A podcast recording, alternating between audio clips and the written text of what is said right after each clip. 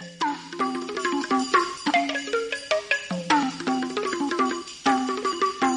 င်္ဂလာပါခင်ဗျာဒီနေ့တည်းရဲ့လေလိုက်စီစဉ်မှာတော့အစိုးရတွင်ပြုရင်ပြောင်းလဲရေးနဲ့ပတ်သက်လို့ဆွေးနွေးသွားမှာဖြစ်ပါတယ် ကချင်ပြည်နယ်ကအစိုးရအဖွဲ့ဝင်တချို့မကြသေးရင်တော့ပဲယာရုကဖယ်ရှားလိုက်တဲ့အတွက်ဒါအယက်သားအစိုးရလက်ထက်အစိုးရတွေမှာပြုရင်ပြောင်းလဲရေးတစ်စိတ်တစ်ပိုင်းဖြစ်နေထောက်ခံတဲ့သူတွေရှိသလိုပဲအစိုးရအဖွဲ့ဝင်တွေပြောင်းလဲလုပ်တဲ့နေရာမှာပွင့်လင်းမြင်သာမှုမရှိဘူးဆိုပြီးဝေဖန်တာတွေလည်းရှိပါတယ်ဆိုတော့ကချင်ပြည်နယ်မှာသာမကတခြားပြည်နယ်နဲ့တိုင်းဒေသကြီးတွေပြည်ထောင်စုအစိုးရအတွင်းမှာရောပြုရင်ပြောင်းလဲဖို့နောက်လူမနီယမန်ဖြစ်ဖို့လိုအပ်ချက်တွေရှိနေပါသလားအပြောင်းလဲတွေလုပ်ဖို့လိုတယ်ဆိုရင်လည်းဘလို့ပုံစံမျိုးနဲ့လုပ်တင်တယ်လဲဆိုတာတွေကို ကျွန်တော်တို့ဆွေးနွေးသွားမှာဖြစ်ပါတယ်ကျွန်တော်တို့ဒီပင်နိုင်ဆွေးနွေးဖို့အတွက်ဟောဖိတ်ခေါ်ထားသူတွေရှိပါတယ်တူကတော့ဒီကချင်ပြည်နယ်ဒီမိုကရေစီပါတီဥက္ကဋ္ဌဒေါက်တာတူးကြဖြစ်ပါတယ်နောက်တူကတော့ဒီမဟာဗျူဟာနဲ့မူဝါဒရေးရလေးလာရေးဌာနမြန်မာနိုင်ငံကဥအောင်သူငိမ့်တို့ဖြစ်ပါတယ်ဆိုတော့ကျွန်တော်ပထမဆုံးတစ်ချက်အနေနဲ့ကတော့ဒီဒီအခုကချင်ပြည်နယ်အစိုးရဖွဲ့ဝင်တွေဖယ်ရှားလိုက်တဲ့ကိစ္စကိုပြန်ကောက်ပြီးတော့ဆွေးနွေးစေချင်ပါတယ်ဆိုတော့အရင်ဆုံးတော့ဒေါက်တာတူးကြခင်ဗျအခုကျွန်တော်ကြားသိရသလောက်ဆိုရင်တော့ပေါ့လေဒီတာဝန်ကဒီဖယ်ရှားခံရတဲ့သူတွေပြောရသလောက်ဆိုရင်တော့ ဟိုသူတို့ကိုယ်တိုင်လည်းဟိုဖယ်ရှားခံတဲ့အကြောင်းမသိဘူးလို့ပြောရတယ်ကြားရပါတယ်ဟိုဒေသခံဒီတိုင်းရင်းသားနိုင်ငံရေးခေါင်းဆောင်တူအနေနဲ့ရောအခုဒီကချင်အစိုးရဖွဲ့ဝင်ဝင်ကြီးတွေဟိုဖယ်ရှားခံတဲ့ပိဿနဲ့ပတ်သက်လို့ဘယ်လောက်ထိသိထားတာရှိလဲသူတို့ဘာကြောင့်ဖြုတ်ခံရတယ်လို့နားလည်ထားတယ်ခင်ဗျဟုတ်ကဲ့ကျွန်တော်အမြင်ကတော့ဒီတော့တို့အစိုးရအနေနဲ့ပေါ့ဒီအစိုးရအကောင် good governance ကျစ်တဲ့တဲ့ကြောင့်ဒီအရင်ချင်းချစ်တဲ့ပုဂ္ဂိုလ်တွေကိုဝင်ကြည့်တိခံတော့မှအရင်ချင်းမမြင်တဲ့အဲ ခြားသားမှုအဲမမှန်မှုရှိတဲ့ဒီအပြစ်ရှိတဲ့ဝင်ကြည့်တွေတော့ဖေချာခိုင်းရမှာဖေချာပြောမှသာအပြည့်အတန်းစီတန်းစီရလုပ်ကြပါပဲလေနော်အဲ့တော့ဒီဟာကတော့သူတို့ဒီချီတီနေတာဒီမကားဘူးတခြားတွေကတခြားတိုင်းတွေကြီးနောက်ဒီတော့သူကြည့်ရမှာလည်းလုပ်ဖို့အဲရှိတယ်ဆိုတော့ကြားသိရပါတယ်ဆိုတော့ကျွန်တော်တို့ချီတီနေမှာဒီလိုလုပ်ပြီးဟာဒီအစီအအနေနဲ့တော့ဒါ အဲသူ့ရဲ့ policy အရလုပ်တယ်လို့ကျွန်တော်မြင်တယ်ဒါအစီအကောင်တယောက်ပေါ်ပေါ်လာဖို့ဒါမှလည်းတန်းပြီးအကျိုးဒီလိုအကျိုးတွေပို့နေမှာကိုဒါကြောင့်သူလုပ်တဲ့ဟာအခုဒီဒီနေဆွေးရအဲတဲမှာလုပ်တဲ့ဟာတော့ policy ရတော့ဒါဘာမှပြောကြမရှိဘူးလို့ကျွန်တော်ပြောနေပါတယ်အတူတူဒီဒီမိုကရေစီစတင်ကျင့်သုံးလာနေတဲ့ကျွန်တော်နိုင်ငံမှာဒီလိုလိုတော့အတန်ဒီလိုလိုတော့ဘောဓစန္ဒကိုအဓိကခါမှာအခုတိုင်ကြားစာတွေပို့လာတယ်တိုင်ကြားစာတွေအဲရောက်ရှိလာတဲ့အတွက်ကြောင့် အဲဒီဒီအာနာယအဲပါတီဘူကတော့လည်းကောင်းဒီကောင်းတို့သိရတော့လည်းကောင်းပါလေအဲဒီဟာကိုအရေးယူဆောင်ရွက်ကြရတာဖြစ်တာကိုအဲကြောင့်အဲ့လိုလုပ်တဲ့နေရာမှာဒါကျွန်တော်ဒီဟိုအဲပြောလို့ဆိုလို့ရှိရင်လက်ရှိပြည်သူ့ချုပ်တာဥပဒေအရဆိုလို့ပုံမှန်နေရာ63မှာလည်းဒါပါပြီးသားဖြစ်ပါတယ်အဲ့ဒါကိုအပြောင်းလဲလုပ်နေတာပေါ့နော်အဲ့ဒါတို့တော်မှာဒါဟိုတိုင်ကြားစာတွေရောက်လာလို့ရှိရင်ဒါ ကွန်ပျူတာပဲကြည့်ကြည့်နေလို့တော့မှအဲလို့တော့နေပြီးမှဒါအများစုထောက်ခံလို့နေတာရှိတဲ့ဘုဒ္ဓဒီတမ်တာစီတမ်တာကဒါကိုပြန်ပြီးတော့မှဒါဒါမိသားစုကြမယ်ဆိုရတယ်ရှိနေတာဒီကကြတော့အခုဒီလိုပုံစံနဲ့သူတို့လုပ်လာတာပဲလို့တော့ကျွန်တော်အဲ့လိုအဲမြင်တယ်အဲ့လိုဟုတ်ကဲ့အခုရှိတာဒေါက်တာတူးချာဒီဒီကဘာလဲဆိုရင်အဲကျွန်တော်ဒီလက်ရှိလုပ်တဲ့နေရာမှာအားနည်းတဲ့တချို့ရှိတယ်ကနော်အဲအဲ့ဒါအားနည်းတဲ့နေရာဘာလဲဆိုရင်အဲ ကျွန်တော်အဲဟုတ်ကြားလားခင်ဗျ ဟုတ်ကဲ့ ကြားပါတယ် ဒေါက်တာတူးချာဟုတ်ကဲ့ပြောပါအဲကျွန်တော်ဒီဒီအားနည်းတဲ့ကဘာလဲဆိုရင်ကျွန်တော်ပြင်းနေတာမရှိဘူးဗျနော်ပြင်းနေတာမရှိစားဒီလိုတွေက ဘယ်လိုပါဒီချစ်လို့ ဒီလိုလုပ်ခံရတယ်လေဟာလာတိုင်ကြတာပါဒီပါဒီပါတယ်လေပေါ့အဲဆွဲခါကြတော့ဒီဒီပြင်းနေတာမှုအပိုင်းမှာတော့အားနည်းချက်ရှိတယ်ဆိုတော့အမှန်ဆိုလို့ရှိရင် တိုင်ကြတာတွေရောက်ရောက်ရှိလာတဲ့သူဒါကိုကြည့်ကြ ည့်တော့မှဒါအမှန်ကန်အမှန်တိုင်းဒါလုပ်ရပါအဲလုပ်တဲ့အခါမှာဒါသိရှိရှိတယ်လို့တော့ခံကြရမှာပေါ့လေအဲအဲ့ဒါတခုအားနည်းချက်တွေရှိနေတယ်လို့ကျွန်တော်မြင်တယ်အားကြောင့်လို့ဒါဒါပြီးတော့ကဘာလဲဆိုကျွန်တော်သင်ကြားနေတာကဒီဒီအသိရှိတဲ့ဆွဲအဲညမှာဒီဒီစနစ်တကျဒါကိုမသိရှိနိုင်လို့ရှိရင်အဲဒီတော့အစိုးရမှာတော့ကောင်းလို့လက်ရှိအာဏာရပါတီမှာတော့ကောင်းပုံရိပ် အဲပုံရိပ်မှာချိခိုက်သွားနေတယ်ဒီတော့မှဒီအဲဒီကျွန်တော်ဒီဒီကြောက်တဲ့ခံရရတဲ့သူ့ပဲခံရရတဲ့ပြောလို့ဆိုရှင်တော့ပုဂ္ဂိုလ်တွေနေနဲ့အဲဒီအဲဒီတော့မှဒီလိုသူ့ပဲခံရတော့တဲ့အပြစ်မရှိဘဲနဲ့ တုတ်ကခံရတယ်ဆိုလို့ရှိရင်သူတို့လည်းသူတို့ကိုတိခါလည်းအများကြီးရောနေသွားတယ်ကြာသိသွားနိုင်တယ်ဒါကြောင့်လို့ဘုံလုံးလေးမှာဒါမမတန်တန်ပြစ်သွားတော့အင်တာအရေးကြီးတယ်လို့ကျွန်တော်မြင်ပါတယ်ဟုတ်ကဲ့ဟိုနောက်တစ်ခုဒေါက်တာတူးချောက်တစ်ဆက်တည်းမေးချင်တာကျွန်တော်တို့ကအခုဒီဟိုဒီဖြစ်ဖြစ်ကလည်းဖြစ်သွားတာဒီနိုင်ငံတော်တိုင်ပင်ခံပုဂ္ဂိုလ်ဒေါ်ဆန်းစုကြည်ရဲ့ကချင်ပြည်နယ်ခီးစဉ်ပြီးမှပဲဖြစ်ခဲ့တာဆိုတော့ဒီတချို့ကလည်းပေါ့လေအခုကရှင်းရှင်းလင်းလင်းလဲဟိုဟိုဟို တရားဝင်ထုတ်ပြောတာမရှိတော့ဒီခီးစဉ်အတွင်းတစ်ခုခုဖြစ်တာဒါမှမဟုတ်ဒီခီးစဉ်နဲ့ဆက်ဆက်တာရှိမယ်ဆိုပြီးတော့အဲ့လိုပေါ့လေဟိုပြောကြဆိုရတဲ့ဟိုဟိုခံမှန်းချက်တွေကလည်းရှိနေတယ်ဆိုတော့ဒါတွေရောဘယ်လောက်ထိဖြစ်နိုင်ကြီးရှိရလို့ဒေါက်တာတူးကြလို့နားလည်ထားလဲခင်ဗျာအဲကျွန်တော်အမြင်ကတော့ဒီလိုဒါဒီဒီတဲ့ဆက်နေတာတော့နည်းနည်းကြာပါပြီဒါပြောလို့ချွရှိလာနေတဲ့စားကြလာကြာပါပြီဒီအဲ့ဒါနဲ့တော့တမန်ကပုဂ္ဂိုလ်ဒီမလားခင်ဗျာ တော့တဲ့နိုင်ငံတော်တင်ကပုဂ္ဂိုလ်လေးလာတော့တဲ့ကြောင်ရတဲ့ဆေးရနေပါလာတော့တဲ့ဆိုတဲ့အခါကျတော့အဲ့ဒီမှာဒီတိုင်ကြားစာပေးတာတို့ဒါလုံးနဲ့တင်ကြတာတို့သက်ဆိုင်ရတော့နော်ဒါတွေလည်းမရှိဘူးလို့မပြောနိုင်လို့လေဒါတွေအလုံးပေါင်းတော့တားနေပါတယ်တော့ကြတာပြီးအခုဒီအဲအခုဒါဒါဒီအရေးယူဆောင်ရွက်အဲမလုပ်ဘဲမရတော့တဲ့အနေအထားမျိုးရှိလို့ ဘယ်လိုလုပ်လာတာလဲဘယ်လိုကျွန်တော်ယူဆပါတယ်နော်ဆရာတော်ဟုတ်ကဲ့ဆိုတော့ကိုအောင်သူငင်းရဲ့သဘောထားခင်ဗျအခုကျွန်တော်တို့ဟိုလက်တလောပေါ်လေးဟိုလောလလက်ကျွန်တော်တို့မြင်ခဲ့ရတာတော့ဒီကချင်ပြည်နယ်မှာဆိုတော့ပြည်နယ်ဆိုရတဲ့မှာအပြောင်းလဲတွေဖြစ်သွားတယ်ဆိုတော့ဒီအခုဒီပြီးခဲ့တဲ့ဒီအပြောင်းလဲနဲ့ပတ်သက်လို့ကိုအောင်သူငိမ့်အနေနဲ့သူတို့ဟို တရားဝင်တော့ဒီအစိုးရပိုင်းကတော့ထုတ်ပြန်ကြေညာတာမျိုးတော့မရှိပါဘူးဒါပေမဲ့ဒီပြောင်းလဲနဲ့ပတ်သက်လို့ဘလို့နားလည်ထားတာမျိုးရှိတယ်ကိုအောင်သူကြီးဒါဘယ်လိုပြောလဲအစိုးရလက်ထက်မှာဒီဒီအရသာအစိုးရဒီပြည်ပြောင်းလဲဒီစိတ်တစ်ပိုင်းဖြစ်နေလှုပ်တဲ့လှုပ်ရက်မျိုးလို့ဆိုနိုင်သလားခင်ဗျာဟုတ်ကဲ့ဟိုပထမဆုံးပြောချင်တဲ့အချက်ကတော့လုံးဝပွင့်လင်းမြင်သာမှုမရှိဘူးလို့တော့ပြောချင်တယ်ဗျ။ဒီလိုလဲဆိုတော့အခုလက်ရှိကျွန်တော်ဖတ်ရတဲ့သတင်းတွေရဆိုရင် ကချင်ပြည်နယ်ကရပ်တဲ့အဖွဲ့အစည်းတွေကလည်းတောင်းဆိုရတယ်။ဒါပါလို့ဒီလိုမျိုးထုတ်ရတာအရေးကြီးရတာလုပ်တယ်လေပေါ့နော်။ဒါပြီးပဲဖက်ကကြတော့လေအစိုးရကအခုချိန်ကြီးဟိုတင်ဝင်ဖြေကြားတာမရှိတဲ့အခါကျတော့ဒီလိုတို့လိုမိကုန်းတွေဖြစ်လာတာပေါ့နော်။ဒါတော့ကျွန်တော်မြင်တာကတော့ဒီအစိုးရတရားအနေနဲ့ဆုံးဖြတ်လို့ရပါတယ်ဝန်ကြီးအပြောင်းလဲလုပ်လို့ရပါတယ်ဆိုတော့ဒါပေမဲ့ဒီ NLD ရွေးကောက်ပွဲကာလကပြီးခဲ့တဲ့တတိယတိုင်းကျွန်တော်ရှင်းနေပုံရင်းမြင်တာမှုနဲ့ဘာဖြစ်လို့ဆောင်ရွက်ရတယ်ဆိုတဲ့ကိစ္စခုနကတော့ဒါတူးကြတယ်ထောက်ပြသွားပါတယ်ဒါအရေးကြီးတယ်လို့ကျွန်တော်ရှင်းပါတယ်ခင်ဗျာဟုတ်ကဲ့ကိုအောင်ငင်းဆွေးနွေးရကျေးဇူးပါဆိုတော့ကျွန်တော်တို့ဒီဆွေးနွေးပွဲအတွက်ကိုပါဝင်ဆွေးနွေးဖို့ကျွန်တော်တို့ဆက်သွယ်ပုဂ္ဂိုလ်တချို့လည်းရှိနေပါသေးတယ်ကျွန်တော်အရင်ဆုံးကတော့ကျွန်တော်မြန်မာနိုင်ငံက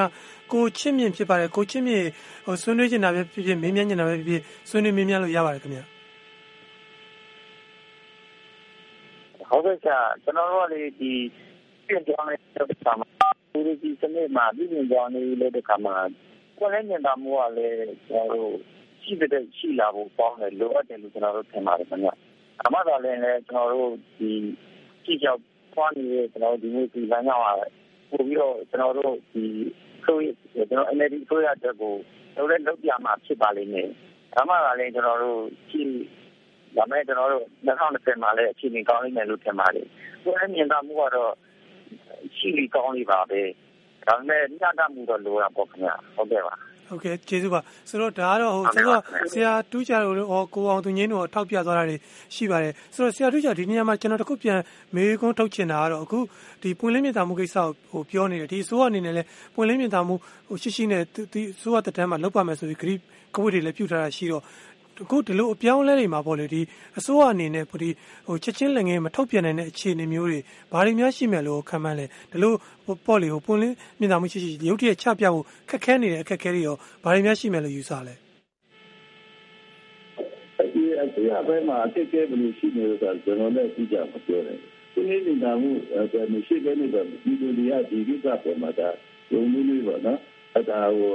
ဒီဖြစ်နေပါတော့ဒီစားကတော့ ဒါဒီဟိုသူ့မတော်ဘူးကြာကြည့်ရတဲ့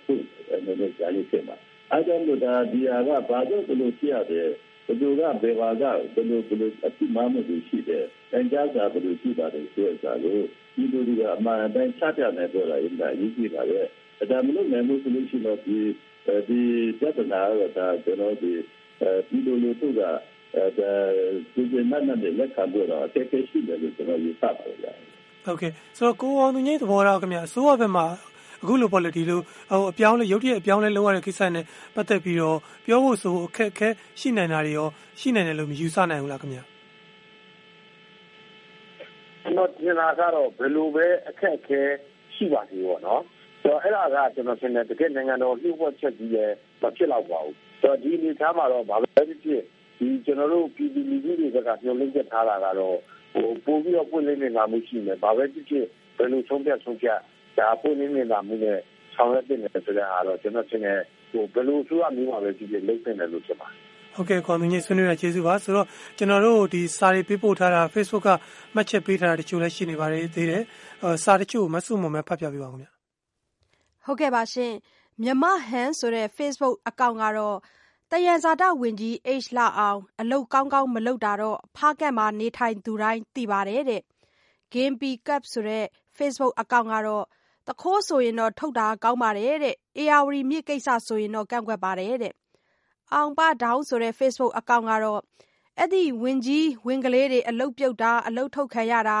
မြန်မာပြည်ရဲ့နိုင်ငံရေးမှာတော့တိတ်ဆန်းတာတော့ မဟုတ်ပါဘူးတဲ့စခွက်လူပြီးတော့ဝေစားမျှစား မတက်လို့ မတက်ကြလို့ပဲ နေမှာပါဆိုပြီး ရေးထားပါတယ်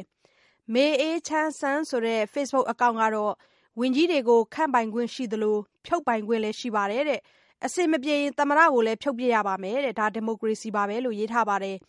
ကျော်မြင့်ဆိုတဲ့ Facebook အကောင့်ကတော့ အမေရိကန်မှာရော ဒါမျိုးမရှိလို့လားတဲ့ သမရက तू မကြိုက်ဘူးဆိုရင် သူ့နဲ့ သဘောထား မတိုက်ဆိုင်ရင် ဖြုတ်ပစ်လိုက်တာက အစမ်းလားဆိုပြီး ရေးထားပါတယ်ရှင် ဟိုဒီစာရီထဲမှာဒီကချင်ပြည်နယ်ကဒီအစိုးရအဖွဲ့အပြောင်းလဲနဲ့ပတ်သက်လို့ကိုယ်လဲတဲ့အမြင်တွေတွေ့ရတယ်လို့ပဲဒီဒီမိုကရေစီစနစ်မှာအစိုးရအဖွဲ့ဝင်တွေအပြောင်းလဲလုံးလေလုံးထားရှိတယ်ဆိုတဲ့သဘောထားတွေတွေ့ရပါတယ်ဆိုတော့ကျွန်တော်တို့ဒီဆွေးနွေးပွဲအတွက်ကိုကိုယ်တိုင်ပါဝင်ဆွေးနွေးဖို့ကျွန်တော်တို့ဆက်သွယ်ထားတဲ့ပုံကိုတူလည်းရှိနေပါသေးတယ်ကိုစလိုင်းပွေကုန်းဖြစ်ပါတယ်ကိုစလိုင်းပွေကုန်းဆွေးနွေးလို့ရပါတယ်ခင်ဗျာဟုတ်ကဲ့ဒီဝန်ကြီးချုပ်တယ်ဆိုတာကတော့ဘာဖြစ်လို့လဲဆိုတော့ခန့်ကြဲကတို့ကမန်ကရာနဲ့တို့ခန့်ကြတယ် ကျွန်တော်ပြောတဲ့အတိုင်းပဲဝန်ထမ်းတွေကိုနိုင်ငံရေးနေရာမှာခါတော့ဒီလိုပဲဖြစ်မှာပေါ့အဲ့တော့ကိုယ်ကကျွန်တော်ပြောနေတဲ့ဥစ္စာကနိုင်ငံရေးရာထူးဖြစ်တဲ့နိုင်ငံရေးဓမ္မတွေရောခံပါအဲ့တော့ဒီဝန်ထမ်းဟောင်းတွေရောခံတဲ့ခါကျတော့ဒီလိုပဲလာစားတာတွေပဲသူစိတ်ဝင်စားမယ်နာခန္ဓာတွေပဲစိတ်ဝင်စားမယ်အဲ့တော့သူတို့ကသူတို့လူပိုင်ခွင့်ရှိတဲ့ဥစ္စာသူတို့လုပ်ရမှာလည်းမဟုတ်ဘူးနောက်ဆုံးကျတော့တမရက ဝေမကြပဲနဲ့အနာပေးတာပဲရှာပေါ့အခုကျွန်တော်တို့နိုင်ငံရေးသမားတရားတမရဦးဝင်းမြင့်ခန့်တာနဲ့ဒါကအလုပ်တွေကပိုတင်ကြလာတော့တို့မြင်တွေ့ရတယ်အဲ့တော့အခုကနေရာလူမှာမဟုတ်သေးတော့ကျန်တဲ့ဝန်ကြီးတွေကိုလည်းအမနာစမ်းအနေရလေးပေးပါကျန်တဲ့အချိန်တက်တာနှစ်ဘယ်ကြံတော့ရဲအဲ့တော့လူမှန်နေရာမှာဖြစ်အောင်နိုင်ငံရေးသမားတွေကိုညံ့ညံ့ခံပေးပါလို့ကျွန်တော်ဆက်လက်ပြီးတော့ပြောချင်တယ်ဗျာ ဟုတ်ကဲ့ကိုစလိုက်ပွေကုန်းဆွေးနွေးတာကျေးဇူးပါဟိုကျန်တဲ့စာတချို့လည်းကျွန်တော်တို့ပေးပို့ထားတာရှိပါသေးတယ်မဆုမွန်ဖတ်ပြပေးပါဦးခင်ဗျဟုတ်ကဲ့ပါရှင်ဒီ Honey Sing ဆိုတဲ့ Facebook အကောင့်ကတော့ရခိုင်ကြတော့လဲဘင်္ဂလီအရေးနဲ့နားလည်မှုလွဲကိုလူမျိုးရခိုင်လူထုနဲ့ယုံကြည်မှုတွေလည်းပျက်စီးခဲ့ပါပြီတဲ့အခုတခါကချင်လူမျိုးတွေနဲ့ယုံကြည်မှုထပ်ပြီးတော့ပြတ်ပြားပါအောင်မယ်တဲ့ ရခိုင်နိုင်ငံ တည်ထောင်မဲ့သူတွေနောက်ကချင်နိုင်ငံ တည်ထောင်မဲ့သူတွေ နောက်ထပ် ဘယ်ပြည်နယ် ဘယ်နိုင်ငံကနေ တည်ထောင်ကြအောင်ပါမလဲ စောင့်ကြည့်ရပါအောင်မယ်ဆိုပြီးရေးထားပါတယ် အမေရိကန်က မောင်ဒသနာကတော့ ဒီမိုကရေစီ အတွေးခေါ် အယူအဆတွေ မရင့်ကျက်သေးတဲ့ ကျွန်တော်တို့လို နိုင်ငံမှာတော့ဒီမိုကရေစီ ပြုပြင်ပြောင်းလဲရေးတွေကို ခက်ခက်ခဲခဲ သွားနေရတဲ့ အခုလို အချိန်မျိုးမှာ ပြည်ထောင်စုအစိုးရထဲမှာပဲဖြစ်ဖြစ် ပြည်နယ်နဲ့တိုင်းဒေသကြီး အစိုးရထဲမှာပဲဖြစ်ဖြစ် ဝန်ကြီးတွေကို တာဝန်ကနေရက်စဲတာ၊နှုတ်ထွက်ခွင့်ပြုတာ၊အစားထိုးခန့်တာ အဲဒီလို ကိစ္စရပ်တွေမှာ ပြည်သူတွေက အစိုးရအပေါ် ယုံကြည်မှုရှိလာအောင် ပူးပေါင်းဆောင်ရွက်ချင်တဲ့ စိတ်ရှိလာအောင်အ ကြောင်းအကျိုးတွေပြပြီး ပွင့်လင်းမြင်သာစွာ ချပြသင့်တယ်လို့ ယူဆမိပါတယ်ဆိုပြီး ရေးထားပါတယ်။အထူးသဖြင့်ကတော့ စစ်ပွဲတွေ ဘဝလုံခြုံမှုမရှိတဲ့ ပြည်နယ်အစိုးရအဖွဲ့တွေထဲမှာ ပြုပြင်ပြောင်းလဲရေးတွေက ပိုပြီးတော့မှ ပွင့်လင်းမြင်သာမှုရှိဖို့ လိုအပ်တယ်လို့ ယူဆမိပါတယ်တဲ့။နောက်ပြီးတော့ တာဝန်ကနေ ရပ်စဲခံရတဲ့ ဝန်ကြီးတွေပဲဖြစ်ဖြစ် မိမိရဲ့သဘောအလျောက် နုတ်ထွက်သွားတဲ့ ဝန်ကြီးတွေပဲဖြစ်ဖြစ် ပြည်သူကို တာဝန်ခံတဲ့ ဝန်ကြီးတွေပြီးပြီးပြည်သူတွေက သံသယကင်းအောင် တနည်းနည်းနဲ့ ရှင်းပြသင့်တယ်လို့ ယူဆမိပါတယ်တဲ့။တကယ်လို့များ ဒီလိုသာ ပွင့်လင်းမြင်သာမှု မရှိခဲ့ဘူးဆိုရင် အစိုးရအပေါ်နိုင်ငံရေးပါတီတွေ၊လက်နက်ကိုင် အဖွဲ့အစည်းတွေနဲ့ သတင်းမီဒီယာတွေရဲ့ ဝေဖန်ထိုးနှက်ချက်တွေကြောင့် ပြည်သူတွေက ဒီမိုကရေစီ ပြုပြင်ပြောင်းလဲရေးအပေါ်အကြီးအကျယ် သံသယဖြစ်နိုင်ပါကြောင်း ဆွေးနွေးလိုက်ရပါတယ်ခင်ဗျာ ဆိုပြီး ရေးထားပါတယ်ရှင်။ ဟုတ်ကဲ့ကျေးဇူးပါဒီစာရေးထဲမှာတော့ဒီအခုအပြောင်းလဲလုပ်တဲ့ပုံစံအပေါ်မှာဘဝင်မကျတဲ့သဘောထားတွေနဲ့စိုးရိမ်မှုတွေရှိနေတာကိုတွေ့ရပါတယ်ဆိုတော့ဒေါက်တာတူးချာခင်ဗျာအခုလိုဒီအစိုးရအဖွဲ့ဝင်တွေအပြောင်းလဲလုပ်တဲ့ပုံစံမျိုးကအကောင့်တဲ့အစိုးဘက်ကိုဥတီနိုင်တာမျိုးပေါ့လေဒါမှမဟုတ်လေစောစောကဒီစာထဲမှာထောက်ပြသလိုပေါ့တိုင်းရင်းသားတွေနဲ့ယုံကြည်မှုပြတ်လောက်တဲ့အထိမျိုးတကယ်ပဲအန်ဒီရဖြစ်နိုင်သလားခင်ဗျာဟုတ်ကဲ့ဗျာဒီအမျိုးသားဒီကြမ်းစီရေးမှာပြစ်ခတ်နေတယ်ဗျာအဲကြောင့်လည်းဆိုလို့ရှိရင်အခုဒီဒီဒီအဲ မှာဒီအစရအဖွဲ့မှာဒီဝန်ကြီးချုပ်နဲ့အဲဟို each လာအောင်တို့မျိုးရပါလာတယ်။နောက်လည်းပါတယ်မှာဟို each လာအောင်ကအခုပြန်စားတာဝန်ကြီးတို့တာအခုဒါရတာဝန်ရရလိုက်တယ်သူအဲဒီ order ဖြစ်ပေါ်လာတာဘလေဒီကကြတော့အခုဒီပြန်ခတ်တဲ့နေရာမှာဒီချင်းအဲဘလောက်ပါလာမလဲတော့ဒါကျွန်တော်စောင့်ကြည့်ရမှာအဲပြောချင်တာပါလဲဆိုလို့ရှိရင်ဒါညီကြစီရေးပေါ့နော်အ တိုင်းတိုင်းကြားစီရဲမှာဒါတိကျလာနိုင်တယ်။ဒါကြောင့်လည်းဆိုဒီစိတ်တိုင်းများအနေနဲ့လည်းဒါမဆူဆူဆူခံစားချက်ကတော့ပေါ်လာပါပဲ။အဲကြောင့်မလို့ဒီဟာကတော့သူလိုအပ်တော့အဲဒီလိုအရေးယူရတဲ့ဆိုတာတပိုင်းရှိတယ်လေ။အမေတပိုင်းမှာတော့ဒါအဲကျွန်တော်တို့ကြံဖတ်တဲ့နေရာလည်းဒါဒီဒီဒီအဒီဒီအဒီကခံရတော့ရှိနေတာဖြစ်တယ်။ဆိုဒီဟာကတော့ဒါတော့ရှိတယ်ရှာတယ်အဲပြတ်တာတစ်ခုပေါ့လေ။ဒါရောတဲ့ဆိုင်ရာအပြည့်အနေနဲ့ဒါလေးလေးပါမှာ စဉ်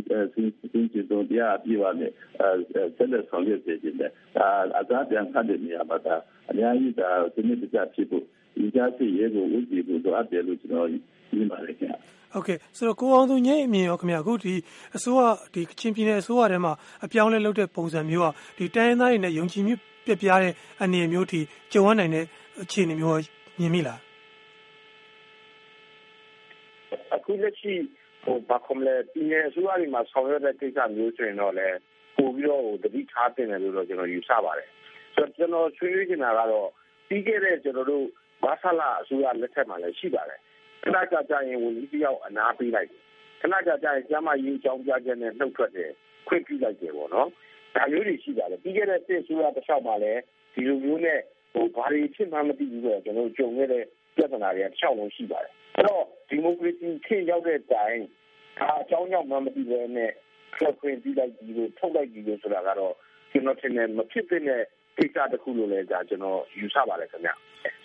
ဟုတ်ကဲ့ကျေးဇူးပါဒီကိုအောင်သူငိမ့်သဘောထားနဲ့ခတ်ဆင်စင်မှာပဲဒီမှာအခုကျွန်တော်တို့ဒီဆွေးနွေးပွဲမှာဒီ Facebook ပေါ်ကနေကျွန်တော်တို့ဓာတ်ရိုက်မှတ်ချက်ပေးနေတာတယောက်ရှိပါတယ်ဦးတူးဆိုတဲ့အကောင့်ပိုင်ရှင်မှာသူကတော့ထုတ်ပယ်ခြင်းလည်းအကြောင်းကြောင်းတော့ပြောပြတင်ပါတယ်ဆိုပြီးတော့သူကအမှတ်ချက်ပေးထားတာရှိပါတယ်ဆိုတော့အခုဆိုရင်လည်းပဲဒီတချို့တိုင်းနယ်ပြည်နယ်ကအစိုးရအဖွဲ့ဝင်တွေကိုကျွန်တော်တို့တိုင်းနယ်တန်းနယ်ဆိုတဲ့သတင်းမျိုးတွေကျွန်တော်တို့ကြားနေရပါတယ်ဆိုတော့ဒီကချင်ပြည်နယ်ပါပဲဖြစ်ဖြစ်ပေါ့လေတခြားတိုင်းနယ်ပြည်နယ်တွေပြည်ထောင်စုအစိုးရထဲမှာပဲဖြစ်ဖြစ်ပေါ့အပြောင်းလဲလုပ်ဖို့ပဲဖြစ်ဖြစ်လူလူမယ်နေရာမှန်ဖြစ်ဖို့ပဲဖြစ်ဖြစ်တကယ်ပဲလိုအပ်တဲ့အခြေအနေမျိုးတွေရှိနေသလားဒေါက်တာတူးကြတစ်ချက်ဆွေးနွေးပြပါခင်ဗျာကျွန်တော်ဆိုလိုတာတော့ဒီကချင်ပြည်နယ်တွေမကဘူးပေါ့လေတခြားတိုင်းနယ်ပြည်နယ်တွေရောဒီပြည်ထောင်စုအစိုးရအတွင်းမှာပါကျွန်တော်တို့ပြုအစိုးရတွင်ပြုရင်ပြောင်းလဲလိုအပ်ချက်တွေရှိနေသလားခင်ဗျာ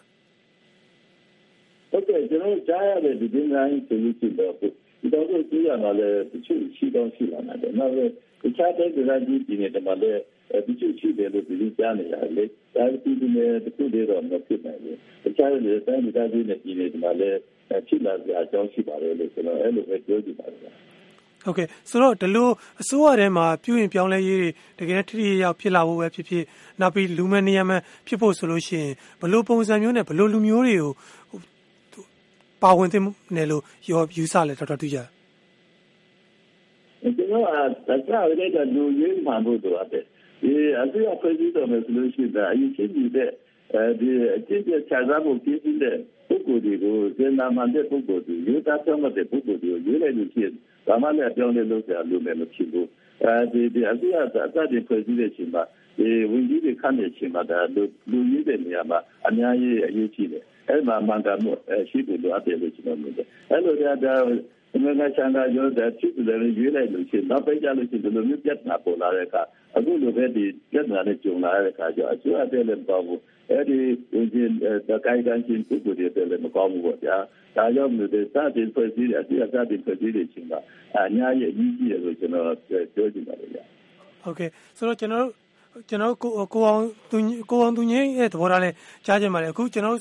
ဆိုလို့ရှိရင်ပေါ့လေအခုတနင်္သာရီတိုင်းဝန်ကြီးချုပ်ကိုတိုင်နေတော်တယ်ဆိုတဲ့အတန်မျိုးတွေကြားရတယ်စသဖြင့်ပေါ့လေဒီတိုင်းနယ်ပြည်နယ်ကဒီအစိုးရအဖွဲ့ဝင်တွေကိုတိုင်နာတော်တာမျိုးတွေကြားနေရတယ်ဆိုတော့ဒီကချင်ပြည်နယ်ထဲမှာဖြစ်ဖြစ်တခြားတိုင်းနယ်ပြည်နယ်တွေနောက်ပြည်တော်စုအစိုးရထဲမှာအပြောင်းလဲလုပ်တာမျိုးပဲဖြစ်ဖြစ်လူမန်နီယမန်ဖြစ်ဖို့ပဲဖြစ်ဖြစ်လိုအပ်ချက်တွေများရှိနေသလားကိုအောင်သူငင်းဘယ်လိုယူဆလဲခင်ဗျာ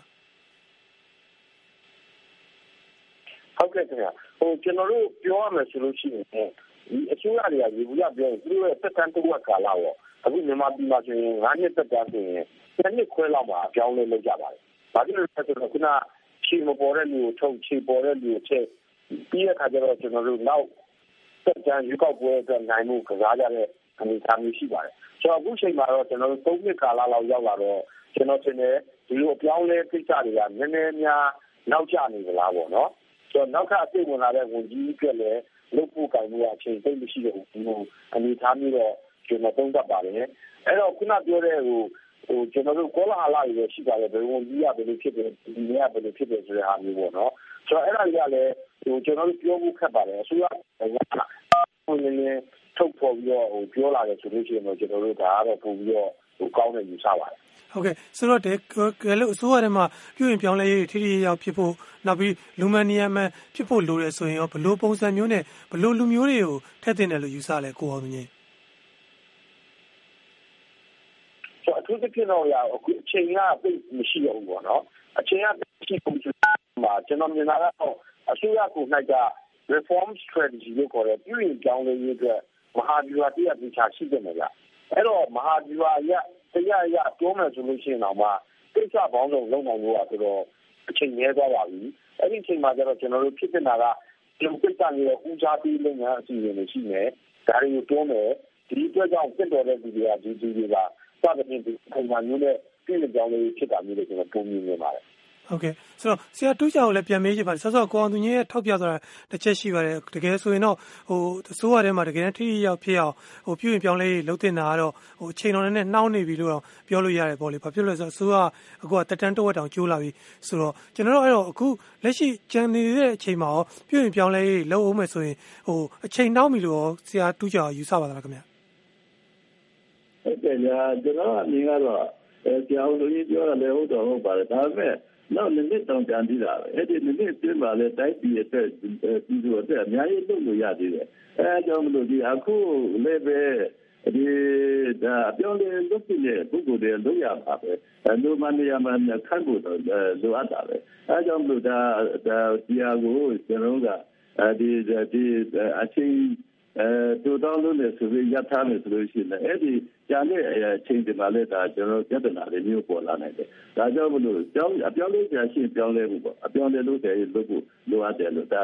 အဲအချိန်ကဘလို့ပဲဖြစ်ဖြစ်ဒါကြာတဲ့အချိန်ကတဲ့ဒီနေ့လိုမျိုးတဲ့အကောင့်ဖြစ်အောင်လုပ်ပေးနေကောအကြည့်အမှာအရေးကြီးတဲ့တာဝန်ဖြစ်တယ်ပြဖြစ်ပါလေရတယ်။ ဟုတ်ကဲ့ဆိုတော့ကိုအောင်သူကြီးကျွန်တော်တို့ကဒီအခုဒါအခုလက်ရှိအထိပြောနေတာတော့ဒီအစိုးရအဖွဲ့ဝင်တွေပေါ့နော်ဒီပြည်နယ်ပဲဖြစ်ဖြစ်ဒီပြည်ထောင်စုအစိုးရပဲဖြစ်ဖြစ်အစိုးရထိပ်ပိုင်းတာဝန်ရှိတဲ့သူတွေအပိုင်းကိုပြောနေတာကျွန်တော်ဒီအစိုးရရန်နေရအနေနဲ့ရောခင်ဗျအစိုးရရန်နေရထဲမှာလည်းအရင်လူဟောင်းတွေပဲရှိနေတယ်တချို့ကိစ္စတွေကဟိုအရင်နဲ့ဟို ဘာမှတိတ်မကွာဘူးလဲပတ်နေတဲ့နေရာတွေမှာဟိုအရင်လိုပဲဖြစ်နေတယ်ဆိုတော့ဝေဖန်ချက်တွေလည်းကျွန်တော်တော်တော်ကြက်ကြက်ပြန့်ပြန့်ကြားရပါတယ်ဆိုတော့ဒီအစိုးရရန်နေရအတွင်းမှာရောဒီအစိုးရထိပ်ပိုင်းခေါင်းဆောင်တွေမဟုတ်ဘဲနဲ့ရန်နေရအတွင်းမှာရောလဲပို့ပို့ပြီးတော့ထိထိရောက်ဖြစ်အောင်လူမန်နီယမန်ဖြစ်အောင်လုပ်ဖို့ဘလောက်အတိုင်းအတာထိလိုအပ်ချက်တွေရှိနေတယ်လို့ယူဆလဲဟုတ်ကဲ့ခင်ဗျဟိုပြောမှဆိုရင်ကျွန်တော်တို့အစိုးရဝန်ထမ်းအတွင်းမှာလည်းပြည်ရင်ကြောင်းလေးမဟာဗျူဟာတွေလုပ်ပါတယ်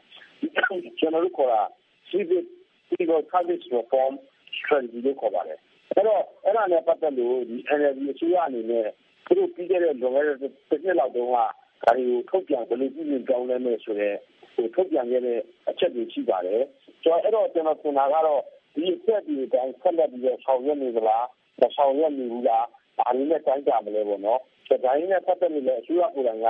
ထုတ်ပြန်ပြီးပိုကောင်းတယ်လို့ထင်ပါတယ်ဟုတ်ကဲ့ဒါနဲ့ပြဿနာတစ်ခုက